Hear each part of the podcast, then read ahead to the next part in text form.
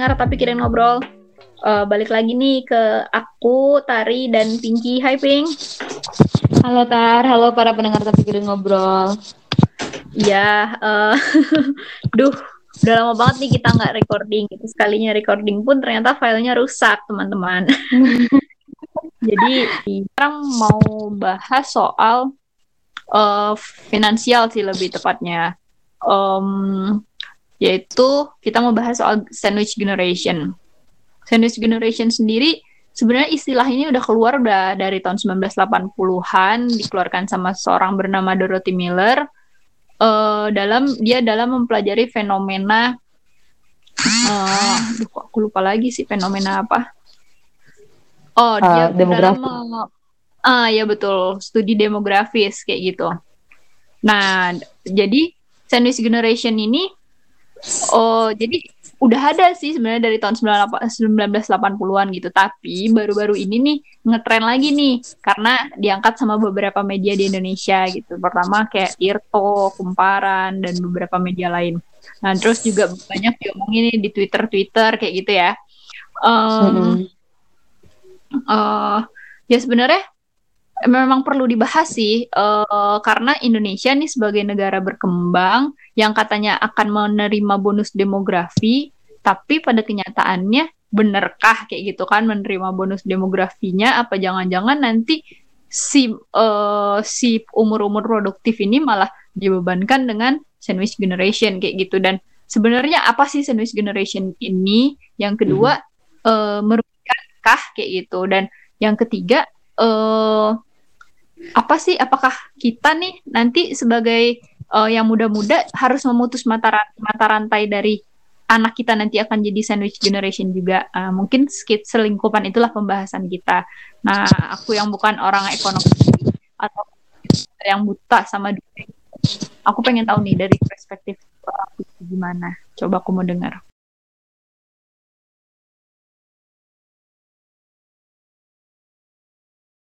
Nah, jadi umumnya sandwich generation ini berusia pada umur 40 sampai 45 tahun. Tapi uh, fenomena saat ini enggak sampai 40 sampai 45 tahun deh, umur 25 ke atas saja, umur dari umur 25 tahun aja itu udah udah jadi sandwich generation. Nah, jadi aku melihat sandwich fenomena sandwich generation ini enggak cuma ekonomi, tapi dari beberapa sudut pandang. Nah, jadi yang pertama, menurut yang pertama aku mau pakai sudut pandang Islam. Nah, kenapa aku pakai sudut pandang Islam? Karena akhir-akhir ini aku menyadari bahwa sudut pandang Islam ini lumayan lumayan apa ya? Bukan lumayan sih. Benar-benar membantu cara pikir kita gitu. Kayak apa sih masalahnya gitu. Oh, ternyata di Islam ada solusinya gitu. Nah, Terus uh, tapi aku nggak mengklaim kalau aku tuh orang yang agamis kayak gitu tuh enggak gitu. Tapi hanya memakai uh, memakai hukumnya ada loh di Islam kayak gitu. Nah, jadi menurut Islam sebenarnya menanggung beban keluarga itu adalah berkah bagi kehidupan kita. Jadi dan menurut salah satu ahli fikih yang bernama Abu Syuja yang menggunakan mazhab Syafi'i menyebutkan bahwa wajib hukumnya untuk menafkahi orang tua yang miskin dan tidak kuat mencari nafkah. Jadi kalau misalnya orang tua kita miskin dan tidak bisa mencari nafkah lagi, itu kita hukumnya wajib. Yang namanya wajib pasti ber, pasti berdosa kalau tidak dilakukan kayak gitu. Tapi jika orang tua tidak miskin dan masih kuat mencari nafkah, berarti ya aku mengasumsikannya oh itu tidak wajib kayak gitu. Nah, jadi yang dalam pandangan Islam seperti itu, uh, sempitnya seperti itu kayak gitu. Pasti ada yang lebih luas lagi yang aku uh, pengetahuan aku terbatas tentang itu. Itu yang pertama. Yang kedua, yang jelas uh, memberikan mem memberikan uang atau memfinance keluarga dan orang tua itu disebut juga dengan sedekah. Nah, di dalam sebuah hadis disebutkan sesungguhnya sedekah kepada orang miskin pahalanya satu dan sedangkan sedekah kepada keluarga itu pahalanya dua. Berarti di dalam Islam sendiri memberikan uang kepada keluarga itu uh, lebih bagus daripada bukan bukan nggak bisa dikompar juga sih, tapi memang lebih tinggi pahalanya ketika kamu memberikan uang kepada keluarga gitu daripada ke orang lain kayak gitu. Nah, jadi yang aku tangkap dari sudut pandang Islam ini adalah mungkin itu disebut dengan mungkin secara ekonomi memberikan uang ke orang itu adalah be beban untuk kita. Tapi secara Islam itu adalah berkah, berkah bagi kehidupan. Mungkin uang akan berkurang, tapi rasa syukur mungkin akan meningkat gitu seiring dengan uang kita keluar kayak gitu. Nah, um, itu dari sudut pandang Islam. Terus yang kedua dari sudut pandang psikolog psikologis. Menjadi seorang generasi sandwich itu pastinya bakal stressful banget karena oh, mungkin ini tidak akan menjadi masalah kalau misalnya income kamu cukup untuk membiayai keluarga dan membiayai orang tua tapi akan menjadi stressful banget kalau misalnya income yang kamu peroleh itu cuma pas-pasan untuk keluarga kecil doang kayak gitu. Nah, maksudnya mungkin ada situasi di mana yang harus memaksa kamu untuk spend income banyak di orang tua dan di anak. Nah, tapi yang paling penting adalah gimana kamu bisa mengelola stres itu gitu. Kalau terkedengaran kan suaraku? Kedengaran.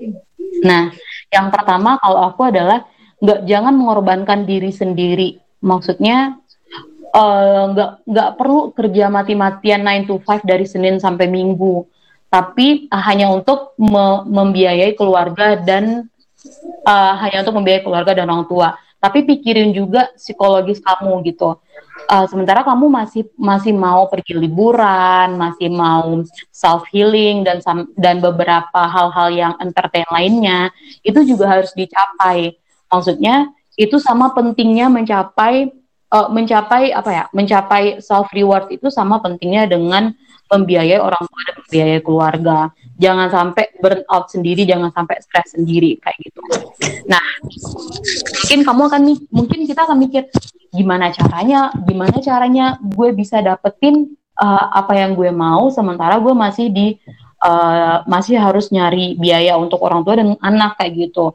Nah sebenarnya itu balik lagi ke prioritas kita gitu kan. Nah kita bisa nggak sih prioritasin misalnya sepuluh ribu sehari atau seratus ribu seminggu untuk uh, self reward kita di akhir bulan. Dan uh, ya hal-hal yang membuat kita tuh nggak membuat gitu. Sebenarnya itu sendiri sih gitu. Nah tapi kalau itu versi merasa um, aku harus punya goal sendiri juga dengan keuangan aku gitu. Maksudnya aku harus punya goal sendiri untuk self reward aku gitu sebagai orang yang sebagai orang yang belum keluarga keluarga ini belum punya suami dan anak jadi aku masih mikirin oh aku butuh me time kayak gitu loh Tar. cuman aku nggak tahu kalau misalnya apakah kayak kamu yang udah berkeluarga dan punya keluarga dan punya orang tua juga itu masih butuh me time atau uh, self reward gitu nggak sih untuk mengelola stres kamu? Butuh lah butuh. Cuman mungkin lebih uh, nyesuaiin aja sih kalau misalnya sekarang tuh mm -hmm. paling me time aku ya dengan beli boba keluar kayak gitu kan. Dengan aku sendiri misalnya jajan di luar atau oh cuman makan bakso di luar sendirian. Itu menurut aku udah udah cukup sih kayak gitu. Udah kind of self healing gitu ya. Uh -uh, jadi maksudnya ya akan nanti akan berubah-ubah sih tiap kita nantinya gitu. Modelnya iya, iya benar sih. Iya benar sih aku juga ngerasain itu. Dulunya aku mikir kayak ketika aku jalan-jalan keluar kota ah nggak usah ah mending aku kasih ke aku ada aku sekolah kayak gitu loh. Tapi kalau aku pakaiin kayak gitu terus tar akunya jadi burn out sendiri gitu. Jadi akhirnya kayak mikir ngapain sih gue biayain keluarga gue? gitu. Kan gue juga butuh untuk uh, diri gue sendiri gitu loh. Nah menurut aku juga itu hal yang nggak tepat. Nah makanya kita perlu penting juga kita untuk mengelola tingkat stres kita itu gimana kayak gitu. Terus yang kedua adalah mengkomunikasikan dengan keluarga. Kalau misalnya bebannya itu udah terlalu overload banget, yang misalnya gini, income kamu cuma 3 juta sebulan, tapi biaya orang tua dan biaya anak itu 5 juta sebulan kayak gitu. Nah, berarti kan itu udah overload banget. Nah, coba dikomunikasikan lagi dengan keluarga bisa nggak sih kita tuh ngasihnya nggak sebanyak ya, sebanyak yang biasanya. Nah mungkin keluarga juga akan mikir kayak oh Pinky oh, oh sorry uh, oh iya misalnya uang nih uh, ya udah kayaknya uh, aku kayak ada aku ya udah deh ada aku kerja aja dulu gitu. Oh ya udah deh ada aku um, spend banyak dulu di sini di situ kayak gitu sebenarnya mengkomunikasikan dengan keluarga ini tuh agak-agak agak-agak berat juga tapi harus gitu. Supaya kamu nggak stres nggak stres sendiri nggak burn out sendiri. Siapa tahu keluarga juga punya jalan keluar yang lain kayak gitu. Nah terus yang ketiga adalah dari sudut pandang keuangan nih. Nah sebenarnya sudut pandang keuangan ini um, apa ya balik lagi ke keadaan keuangan masing-masing. Sebenarnya nggak bisa digeneralisir juga, oh harus investasi, harus itu, harus ini, kayak gitu. Dikembalikan lagi ke kemampuan kita. Nah, jadi kalau menurut aku yang pertama adalah um, di pos kesehatan itu sering banget terjadi apa ya pengeluaran tidak terduga pengeluaran ter tidak terduga misalnya tiba-tiba ada tiba misalnya tiba-tiba ada kecelakaan atau apa kayak gitu. Nah, that's why kita butuh proteksi dong supaya cash flow kita, cash flow kita itu nggak begitu terganggu kayak gitu. Nggak yang tiba-tiba nih Januari ada kecelakaan misalnya anak kecelakaan. Nah, terus tiba-tiba di bulan Januari itu cash, flow kita tuh jadi uh, apa namanya? jadi banyak banget uang keluar kayak gitu. Itu kan mengganggu cash flow kita cash flow kita per bulan kayak gitu kan. Nah, that's why proteksi yang pertama adalah uh, proteksi kesehatan BPJS misalnya. Nah, pakai BPJS ini mungkin untuk kalau aku aku nih lainnya untuk eh, sakit-sakit uh, biasa kayak demam, uh, atau flu atau apa itu mungkin nggak begitu berasa ya. Karena kan biasanya kayak cuma dikasih obat generik udah pulang gitu kan. Nah tapi BPJS ini akan berasa banget kalau misalnya itu kecelakaan misalnya kecelakaan atau gitu. kecelakaannya. Gitu. gimana kan ya misalnya tiba-tiba kecelakaan atau tiba-tiba difonis sakit berat kayak gitu. Nah iya itu akan berasa banget gitu. Walaupun sulit untuk walaupun susah atau uh, apa kayak administrasinya ribet dan segala macam gitu. Tapi itu akan worth it banget gitu. Nah terus juga uh, yang kedua yang pertama itu uh, yang pertama tadi kesehatan. Karena aku ngerasa di bagian kesehatan ini akan bisa aja tiba-tiba uh, butuh banyak kayak gitu dan kita nggak ada proteksi itu akan menyulitkan banget untuk generasi sandwich. Terus yang kedua adalah mengelola keuangan dengan lebih bijaksana. Nah, mengelola keuangan dengan lebih dengan lebih bijaksana ini maksudnya adalah uh, coba identifikasi lagi sebenarnya pos-pos apa sih yang nggak butuh keluar banyak tuh di situ uang uangnya gitu.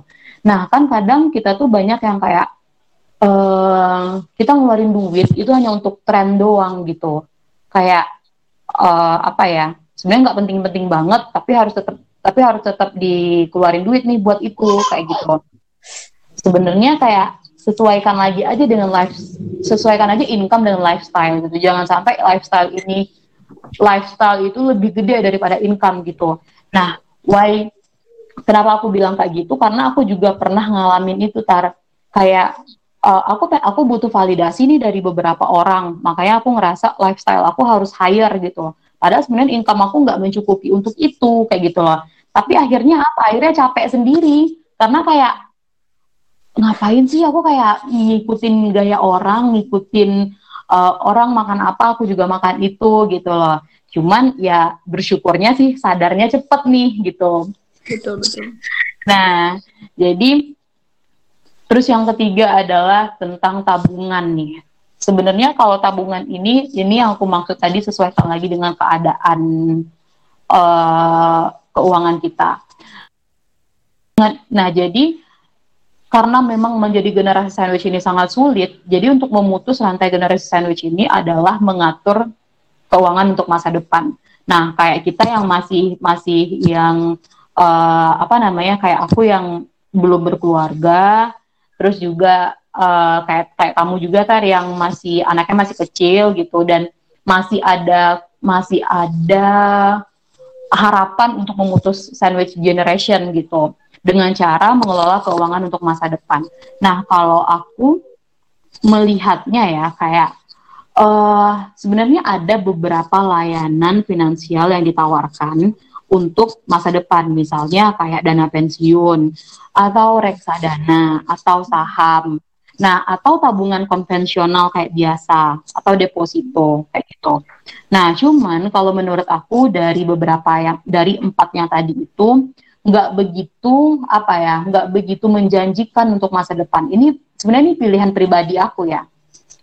Karena aku ngerasanya kayak yang pertama, misalnya kita bahas tentang saham.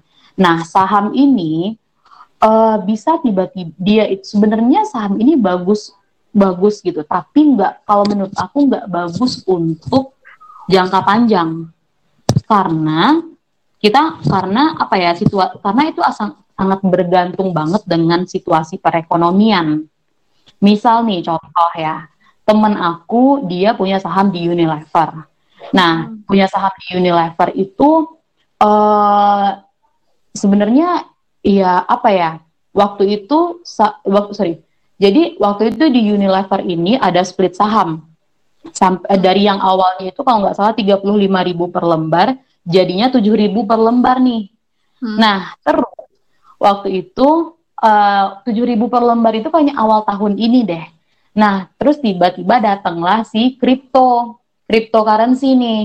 Hmm. lalu anjlok sahamnya dari 7.000 sampai 4.000 waktu itu waktu itu kayak sekarang 4000 ya. Waktu itu itu masih kayak 6000 apa 5000 gitu. Di saat itu teman aku udah rugi 10 juta gitu. Waduh. nah apalagi sekarang uh, apalagi sekarang harganya 4000 nih. Hmm.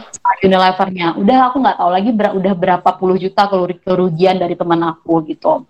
Nah uh, balik lagi itu tergantung ke situasi perekonomian gitu. Even kita nabung di saham yang kayak BCA lah, BRI lah. Unpredictable pasti ya.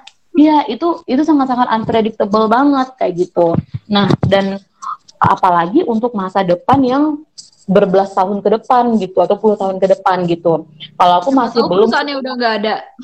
Nah, iya. Nah, itu kan itu kan sangat ini kan, sangat aduh nggak secure nih gitu. Nah, terus yang kalau yang kedua reksadana. Nah, beberapa orang, kalau aku ngeliatnya beberapa orang memang merekomendasikan reksadana. Tapi reksadana ini tuh kayak nggak profitable gitu, tar. Maksudnya kalau misalnya kita nggak punya duit yang banyak banget, tuh nggak tuh nggak mending nggak usah reksadana sih. Ibaratnya gini, efeknya. Nggak berasa, iya nggak berasa kayak karena cuma satu persen, dua persen sampai lima persen lah per tahun kayak gitu loh setahu aku ya. Nah, sementara uh, inflasi aja berapa? Enam setengah persen. Ya gedean, ya sama aja kita rugi dong, gitu kan? Nah, terus itu yang reksadana. Saham, saham enggak, reksadana juga enggak, dana pensiun.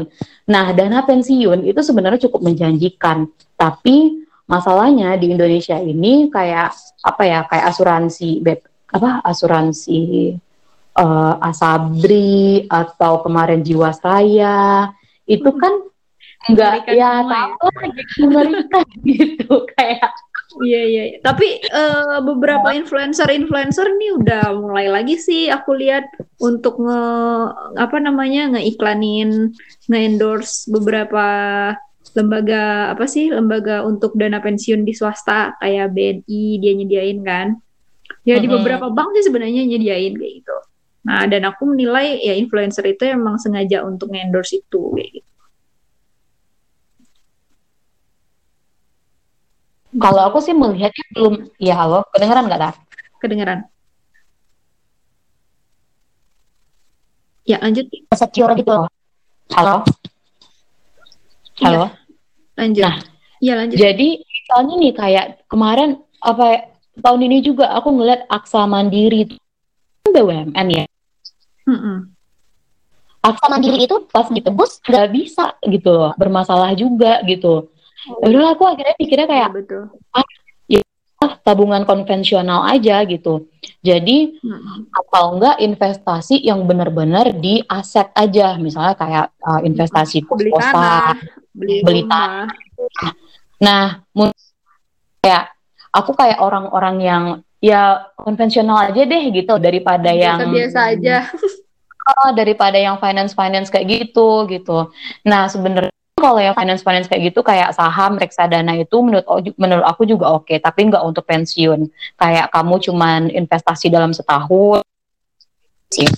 Kayak gitu. Tapi berbelas sampai puluhan tahun ke depan. Kayak gitu sih kalau aku mikirnya.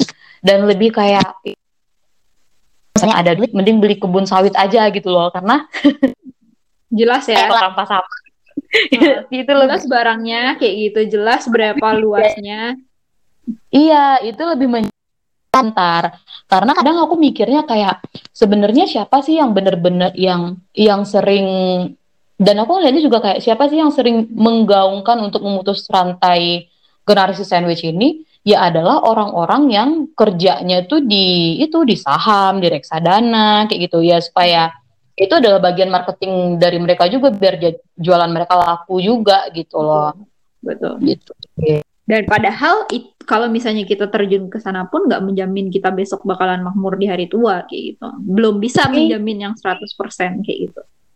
Iya, lagi ke balik lagi ke ini kita masing-masing ya preferensi kali preferensi kita masing-masing emang butuh riset yang panjang juga untuk memutuskan investasi mau, mau investasi di mana gitu itu sih kalau aku tapi kalau kamu gimana tak?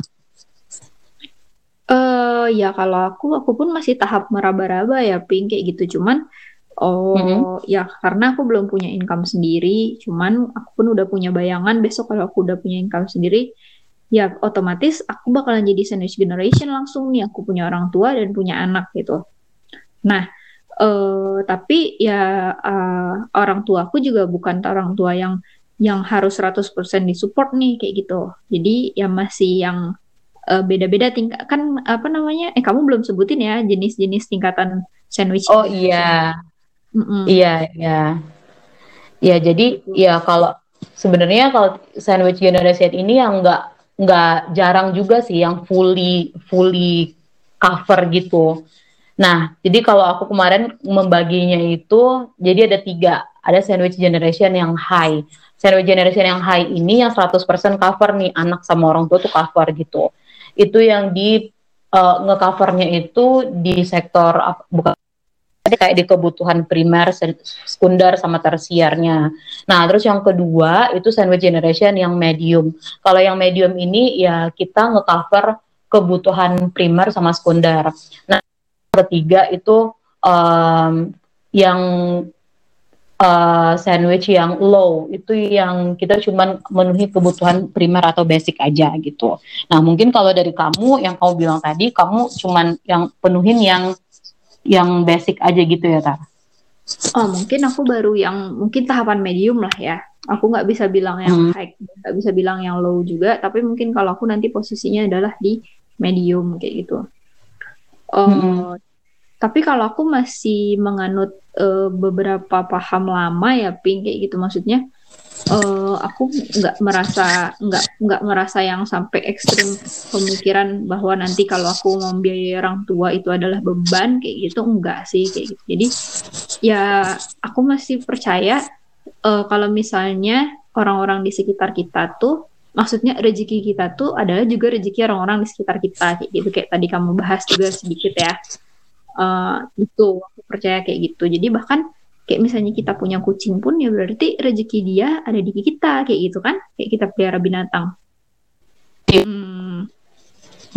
nah itu sih kayak gitu. Jadi uh, ya jadi menurut aku istilah ini kan datang dari western kayak gitu. Jadi sebenarnya kalau dibawain ke Asia terutama Asia Tenggara dan Indonesia yaitu agak kurang match. Tapi bukan kurang match uh, ada beberapa yang cocok tapi ada beberapa yang tidak kayak gitu. Itu sih menurut aku. Hmm. iya benar itu juga alasan kenapa sandwich itu kayak bukan masalah yang masif gitu loh tar. I mean nggak semua orang mempermasalahkan itu. Karena semua orang mikirnya oh ya udah itu udah kewajiban gue gitu. Bukan hmm. sebuah hal yang apa ya kayak uh, kayak itu mahal banget tuh enggak? Gitu loh. Kita udah mikirnya ah ya udahlah emang sudah kewajiban gitu kan. Oh dan memang ya gini kalau mis aku aku punya pengalaman tante aku ya kayak gitu orang tuanya udah single parents dan sakit-sakitan. Uh, tinggal sama dia terus dia juga udah punya anak dua kayak gitu. Dia sama istri kerja. Ya di awal-awal dulu anaknya masih kecil-kecil dia emang pusing gitu kan untuk ke cover biaya rumah sakit orang tuanya orang tuanya juga sakit-sakitan terus untuk kehidupan dia terus untuk anak-anaknya kayak gitu. Bahkan sampai dia punya utang beberapa beberapa kartu kredit kayak gitu. Uh, tapi akhirnya dengan seiring waktu anaknya tumbuh kayak gitu kan ya semua udah kelewat aja sih gitu. Buktinya dia udah bisa beli rumah sekarang kayak gitu kan dan orang tuanya tetap masih ya tetap masih hidup sampai sekarang dan masih sakit-sakitan kayak gitu. Tapi ya udah uh, ya semuanya dijalanin aja kayak gitu. Dan uh, itu tadi di situ dia jadi maksudnya jadi terpacu kayak gitu. Walaupun dia suami istri udah bekerja berarti kan masih kurang nih income-nya. Dan dia buka buka mm -hmm. bisnis lain kayak gitu. Bisnis online dari zaman dulu itu dari belum ngetren jualan baju online ya. Dia udah jualan mm -hmm. baju impor online kayak gitu terus sampai dan dia kan kebetulan kerjanya desain grafis nih. Ya gampang lah ya ngedesain desain kayak gitu. Uh, hmm. bikin suatu tampilan yang eye catching gitu ya. Belum musim lah belum ada shopee belum ada segala macam zaman dulu tuh. Itu sih. Dan itu emang hmm. membuka peluang sama dia gitu. Jadi menurut aku adalah ya saat uh, kamu merasa kesulitan sama finansial gitu dan gak ada cara lain ya memang emang harus cari celah gitu itu sih solusinya Iya benar sih. Sekecil, benar. sekecil apa pun celah ya harus dimanfaatkan, itu dicoba. Kita kan nggak tahu kalau kita nggak coba. Iya betul, betul banget. Dan kita nggak akan jadi miskin juga hanya karena kita nge-finance orang tua kita. Oh. Nah betul. Itu sih. Betul sih. Juga. Ya benar banget yang kau bilang semua orang itu pasti ya entah di entah eh, memang di kita kan rezekinya orang gitu loh. Entah itu bukan rezeki kita sebenarnya. Entah itu hanya titipan doang gitu supaya kita bisa kasih ke orang yang tepat kayak gitu. Jadi kalau menurut aku deh itu itu aja sih tar uh, oh ya satu lagi. Uh, kemarin mm -hmm. kan kita juga sempat bahas kan masalah kalau misalnya ada orang berpendapat uh, gimana dia tidak wajib mah menafkahi orang tua kayak gitu. Karena dia nggak minta dilahirkan kayak gitu kan. Oh iya bener. Uh, aku juga mau ngebahas itu sedikit. Ya sebenarnya paham-paham itu tuh terlalu subjektif ya kayak gitu. Mungkin itu tuh bis hasil-hasil paham kayak gitu bisa dia dapat dari setelah dia besar dari pemikiran-pemikiran baru atau karena pola didiknya juga uh, maksudnya pola uh, atau karena faktor pola didik kayak gitu. Faktor uh, dari keluarganya kayak gitu uh, yang aku pribadi sih setelah aku merasakan punya anak ya memang anak bukan investasi gitu. Cuman bagaimanapun uh, apa ya aku pengen nanti setelah dia besar kayak gitu ya mereka nggak harus ngasih aku uang. Cuman setidaknya uh, mereka bisa menghargai aku sebagai orang tuanya yang sudah membesarkan mereka kayak gitu. Dan gitu pun aku yang sekarang udah besar uh, harus bisa menghargai orang tua aku yang udah juga membesarkan aku dengan segala dengan segala ya maksudnya namanya juga orang tua nggak ada yang sempurna gitu kan hmm, mm -hmm. ya pas ya aku pun setelah jadi orang tua ya aku pun juga nggak bukan orang tua yang sempurna gitu aja sih jadi konsepnya menurut aku ya sandwich generation ini seperti fitrah Nah, cuman mm-hmm. saat kita bicara fitrah, nanti kan orang menghubungkannya ke agama. Bukan, sebenarnya fitrah itu bukan agama, tapi menurut aku fitrah itu adalah hukum alam. Ya jadi menurut aku sandwich generation itu generation sandwich lah apalah istilahnya dengan kita mensupport orang tua dan anak, ya emang udah fitrah kita kayak gitu. Fitrah itu kita punya fitrah kita masing-masing kayak gitu kan.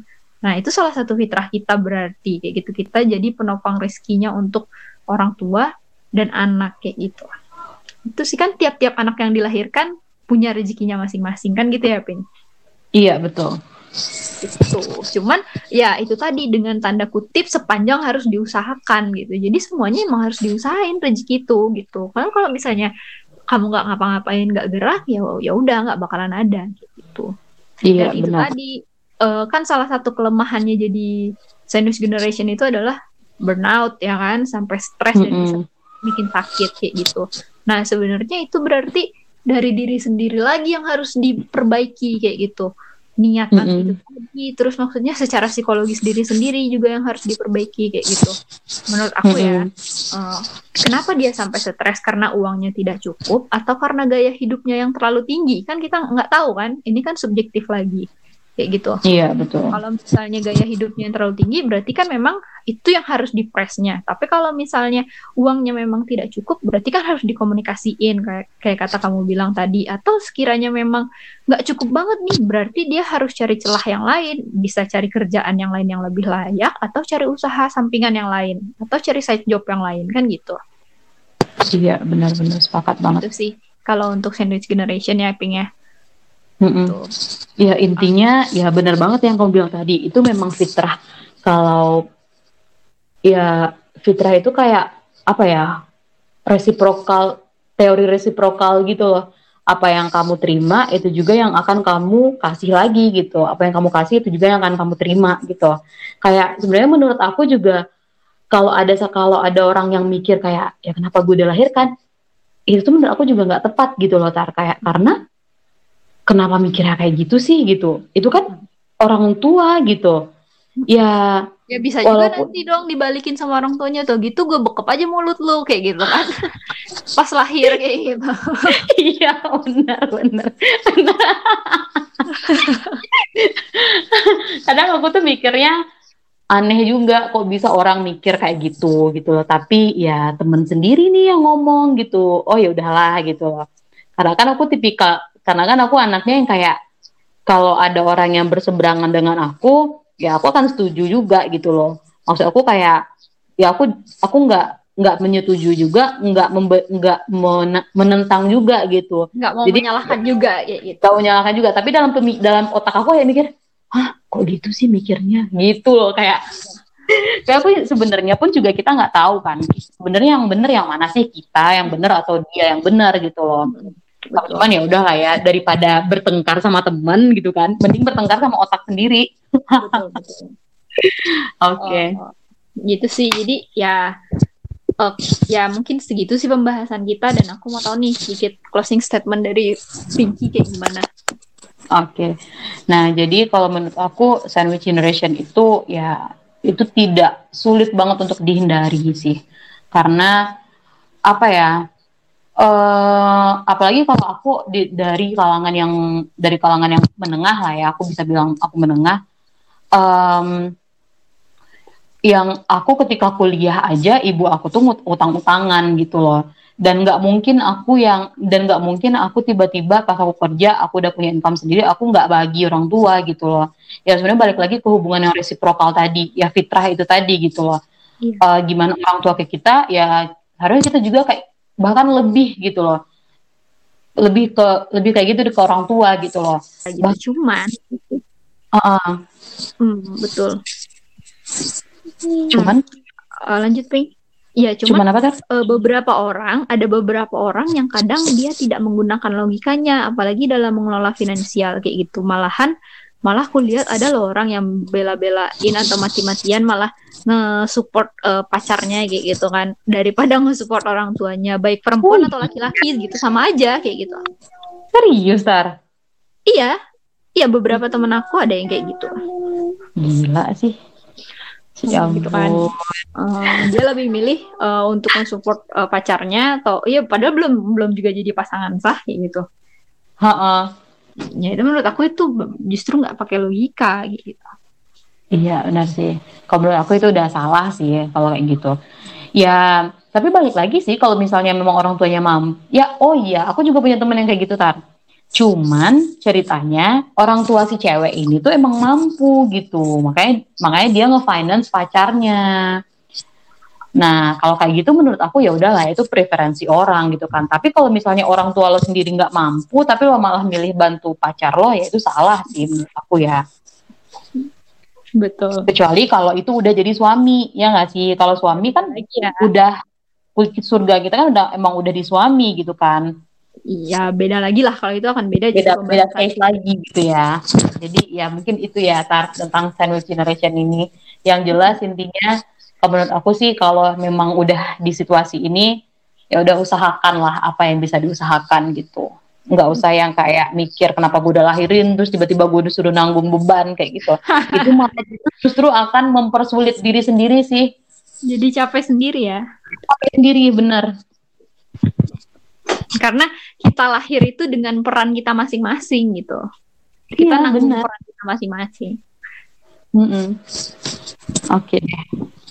Oke, eh ya itu sih tadi dari Pinky yang udah ngejelasin soal sandwich generation dan beserta pembagian-pembagiannya kayak gitu. Dan eh ya tadi udah udah mencakup banget. Em, kalau misalnya tadi Pi- Pinky cerita soal pembagian sandwich generation ada low, medium dan high kayak gitu kan aku langsung mikirnya itu seperti Big Mac yang ada double, yang ada double ya kan, double. Terus ada yang ada uh, cheese-nya, terus ada yang beef burger kayak gitu. Jadi lapisannya itu beda-beda kayak gitu. Dan sebenarnya emang bicara sandwich generation juga bicara soal sesuatu yang subjektif banget kayak gitu. Itu per orang pasti Mm-mm. beda. Hmm. Eh, gitu sih teman-teman. Sekian ya pembahasan kita yang soal sandwich generation. Terima kasih Ping. Bye. Terima kasih, Ta. Oke.